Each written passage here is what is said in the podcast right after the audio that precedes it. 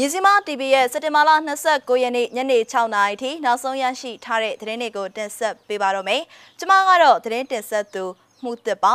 ဒီကနေ့မှာတင်ဆက်ပေးသွားမယ့်သတင်းတွေကတော့စစ်ကောင်စီရင်တန်းမိုင်းဆွဲတိုက်ခိုက်ခံရပြီးတဲ့နောက်6ဦးနဲ့မြောင်မြို့နယ်အနီးကျေးရွာကနေအိမ်တွေမိရှုခံရတယ်ဆိုတဲ့သတင်း။ကံကောနှမ်းခါရွာကိုစစ်ကောင်စီကတလားအတွင်း၃ချိန်မြောက်မိရှုတယ်ဆိုတဲ့သတင်း။ တမူ PDF တရင်တစ်မှာပူးပေါင်းပါဝင်သွားမှာဖြစ်ကြောင်းတမူမြို့ခံဂရခါလူငယ်များကြေညာရေးဆိုတဲ့တဲ့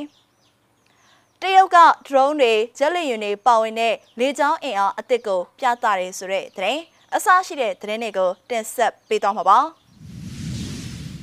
ဦးဆောင်တဲ့ကတော့စစ်ကောင်စီရင်တန်းမိုင်းဆွဲတိုက်ခိုက်ခံရပြီးတဲ့နောက်ချောင်းနဲ့မြောင်မြို့နယ်အနီးကျေးရွာကနေအိမ်တွေမီးရှို့ဖျက်ဆီးခံရတဲ့ဆိုတဲ့သတင်းကိုတင်ဆက်ပေးပါမယ်။စကိုင်းတိုင်းဒေသကြီးချောင်းဦးပခုတ်ကူကာလမအနီးမှာမနေ့ကမနက်ပိုင်းကစစ်ကောင်စီတပ်တွေရဲ့ကားတစ်စီးမိုင်းထိခဲ့ပြီးနောက်ပိုင်းအနီးနားကျေးရွာတွေကိုစစ်ကောင်စီတပ်တွေဝင်ရောက်ပြီးနေအိမ်တွေကိုမီးရှို့ဖျက်ဆီးခဲ့တယ်လို့ဒေသခံရွာသားတွေကပြောပါတယ်။ စစ်ရင်တန်းမိုင်းထိပြီးတဲ့နောက်ပိုင်းမှာကားလန်အနီးကမကြီးပုတ်ရွာနဲ့မကြီးကွရွာတွေတဲကိုစစ်ကောင်စီတပ်တွေဝင်ရောက်ခဲ့ပြီးဒေသကာကွယ်ရေးတပ်တွေကိုရှောက်ဖွေရင်နေအိမ်လေးလုံးကိုမိရှုဖျက်ဆီးခဲ့တယ်လို့ရွာသားတွေကပြောပါတယ်ကားလန်ဘက်ကအတန်တွေကြားတာနဲ့ရွာသားတွေကဘေးလွတ်ရာပြေးကြတာမနက်၈နာရီလောက်မှကားမိုင်းထိတယ်နောက်ထပ်2နာရီလောက်ကြာတော့စစ်တပ်ကဝင်လာတာပဲမိရှုခံရတာကတော့မကြီးပုတ်ရွာမှာအိမ်နှလုံး မကြီးကွာရွာမှာနှလုံးပါပြီးခဲ့တဲ့28ရက်နေ့ကတော့တချို့ရွာသားတွေကိုလည်း PDF တွေဘယ်မှာလဲဆိုတာသိလားဆိုပြီးစစ်မေးတယ်သူတို့သတင်းတွေ PDF တွေကိုဘယ်သူပေးတာလဲဆိုပြီးမေးတယ်အမျိုးသားမှန်သမျှထွက်ခဲ့ဆိုပြီးခေါ်မေးတာအဲ့ဒါပြီးနောက်တရက်အခုလိုကားမိုင်းထိတာပါပဲလို့မကြီးပုတ်ရွာဒေသခံတအုပ်က BBC ကိုပြောကြောင်းသိရပါတယ်ဒီကနေ့မှာတော့ မကြီးဖုံးနဲ့မကြီးကွရွာတွေမှာနေထိုင်တဲ့ရွာသားတချို့ကနေအိမ်တွေကိုပြန်လည်နေထိုင်နေပေမဲ့တင်းရှောင်ဖို့အစဉ်အသစ်ပြင်ထားတဲ့အနေအထားနဲ့နေရတယ်လို့ဒေသခံရွာသားတွေကပြောပါတယ်ရှင်။နောက်ထပ်သတင်းကမကွေးတိုင်းကသတင်းပါ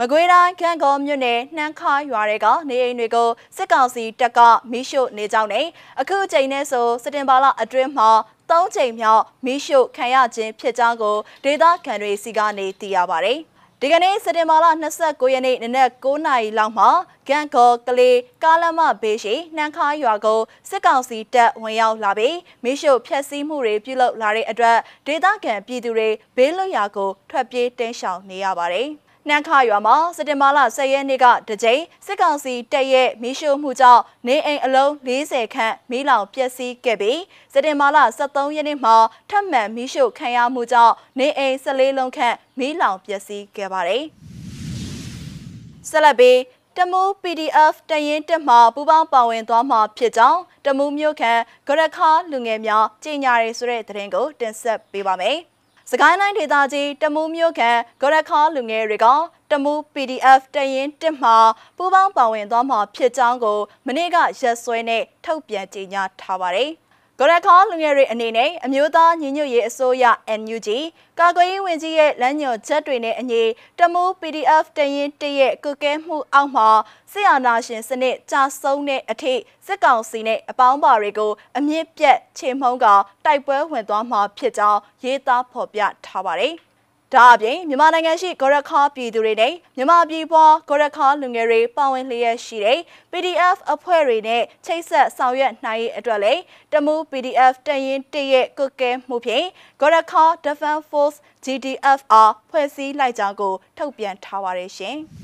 ။နိုင်ငံတကာသတင်းပတ်မှာတော့တရုတ်က drone တွေဂျက်လေယာဉ်တွေပါဝင်တဲ့လေကြောင်းအင်အားအသစ်ကိုပြသတဲ့အကြောင်းကိုတင်ဆက်ပေးကြပါမယ်။ သတင်းအပြည့်အစုံကိုတော့ရုပ်သံဖိုင်မှာရှုစားကြည့်ပါအောင်ရှင်။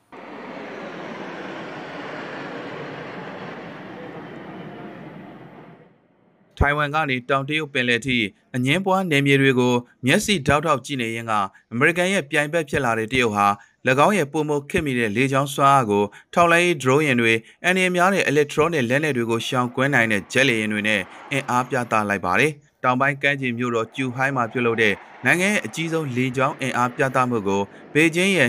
2035ခုနှစ်နောက်ဆုံးထားပြီးခေတ်သစ်စစ်ပွဲတွေအတွက်စစ်အင်အားကိုပြင်ဆင်ဖို့တွန်းအားပေးလှုပ်ဆောင်နေမှုကိုပြသလိုက်တာဖြစ်ပါတယ်။တရုတ်ဟာစစ်လက်နက်ကဏ္ဍမှာအမေရိကန်ရဲ့နီးပညာနဲ့ယင်းနှိမ့်မြုံနှံမှုထက်နောက်ကျကျန်နေပေမဲ့ကွာဟမှုတိတ်မရှိတော့ဘူးလို့ကျွမ်းကျင်သူတွေကဆိုပါတယ်။ ယခုနှစ်အတွင်းကအမေရိကန်ထောက်လိုင်းရဲ့အစီအခံစာတစ်ခုမှာတရုတ်ရဲ့ဩဇာကြီးထွားလာမှုကအမေရိကန်အတွက်အကြီးမားဆုံးချိန်ချောက်မှုတစ်ခုဖြစ်လာတယ်လို့ထောက်ပြထားပါတယ်။ စက်တင်ဘာလ28ရက်အင်္ဂါနေ့ကကျူဟိုင်းမှာထုတ်ဖော်ပြသခဲ့တဲ့ပြည်တွင်းနည်းပညာတွေထဲမှာတိုက်ခိုက်မှုတွေပြုလုပ်နိုင်စွမ်းရှိတဲ့ထောက်လိုင်းရဲ့ drone ရဲ့အသစ်တစ်ခုရဲ့ရှေ့ပြေးပုံစံတစ်ခုကိုမြင်တွေ့ခဲ့ရပါတယ်။တောင်ပန်အကျယ်20.5မီတာနဲ့အရှည်15.8မီတာရှိတဲ့ Super Drone ဟာဒုံးကျည်တွေကိုတည်ဆောင်နိုင်ပြီးထောက်လိုင်းရေးနဲ့တိုက်ခိုက်ရေးစစ်ဆင်မှုတွေအတွက်ဒီဇိုင်းပြုလုပ်ထားတာဖြစ်တယ်လို့အလွတ်တန်းထောက်လိုင်းရေး agency James ကဆိုပါတယ်။အခြားအသစ်ဆန်းပြသမှုတွေအဖြစ် နေကြားစောင့်ကြပ်မှုနဲ့ရေချောင်းကင်းလှည့်ခြင်းတွေပြုလုပ်နိုင်တဲ့အမြင့်ပြန် drone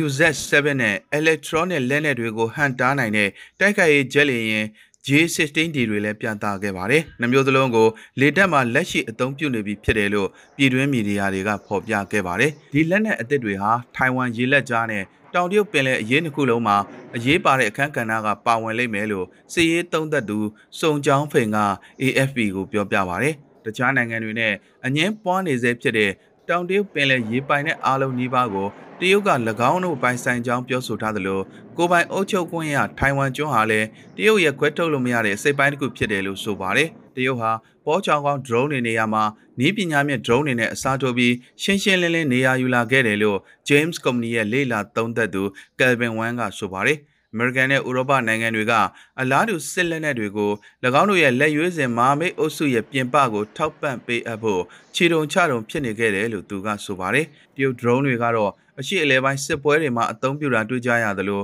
အခြားဒေသတွင်းနိုင်ငံတွေကိုပါရောင်းချပေးနေတာကိုတွေ့ရပါတယ်။အလားတူ J16D ဂျက်တိုက်လေယာဉ်ဟာလည်းပြည်သူ့လွတ်မြောက်ရေးတပ်မတော်ရဲ့အလုံးစုံတိုးတက်လာတဲ့တိုက်ခိုက်ရေးစွမ်းရည်တွေကိုတွေ့မြင်ကြရတယ်လို့စင်ကူနန်ယန်နီးပညာတက္ကသိုလ်ကတရုတ်ဆက်လက်နဲ့ကျွမ်းကျင်သူ James Cha ကဆိုပါတယ်။ဒါကတကယ်သိတာတဲ့တိုးတက်မှုတစ်ခုဖြစ်ပါတယ်။အဲ့ဒါကလေချောင်းရန်ကာကွယ်ရေးအတွက်အထူးလှုပ်ဆောင်ထားတဲ့ပြစ်မှတ်တွေကိုဝေဟင် electronic စစ်စင်ရေးတွေပြုလုပ်နိုင်တဲ့စွမ်းရည်တွေတရုတ်စစ်တပ်ကိုပိုင်ဆိုင်သွားစေတယ်လို့သူကဆိုပါတယ်။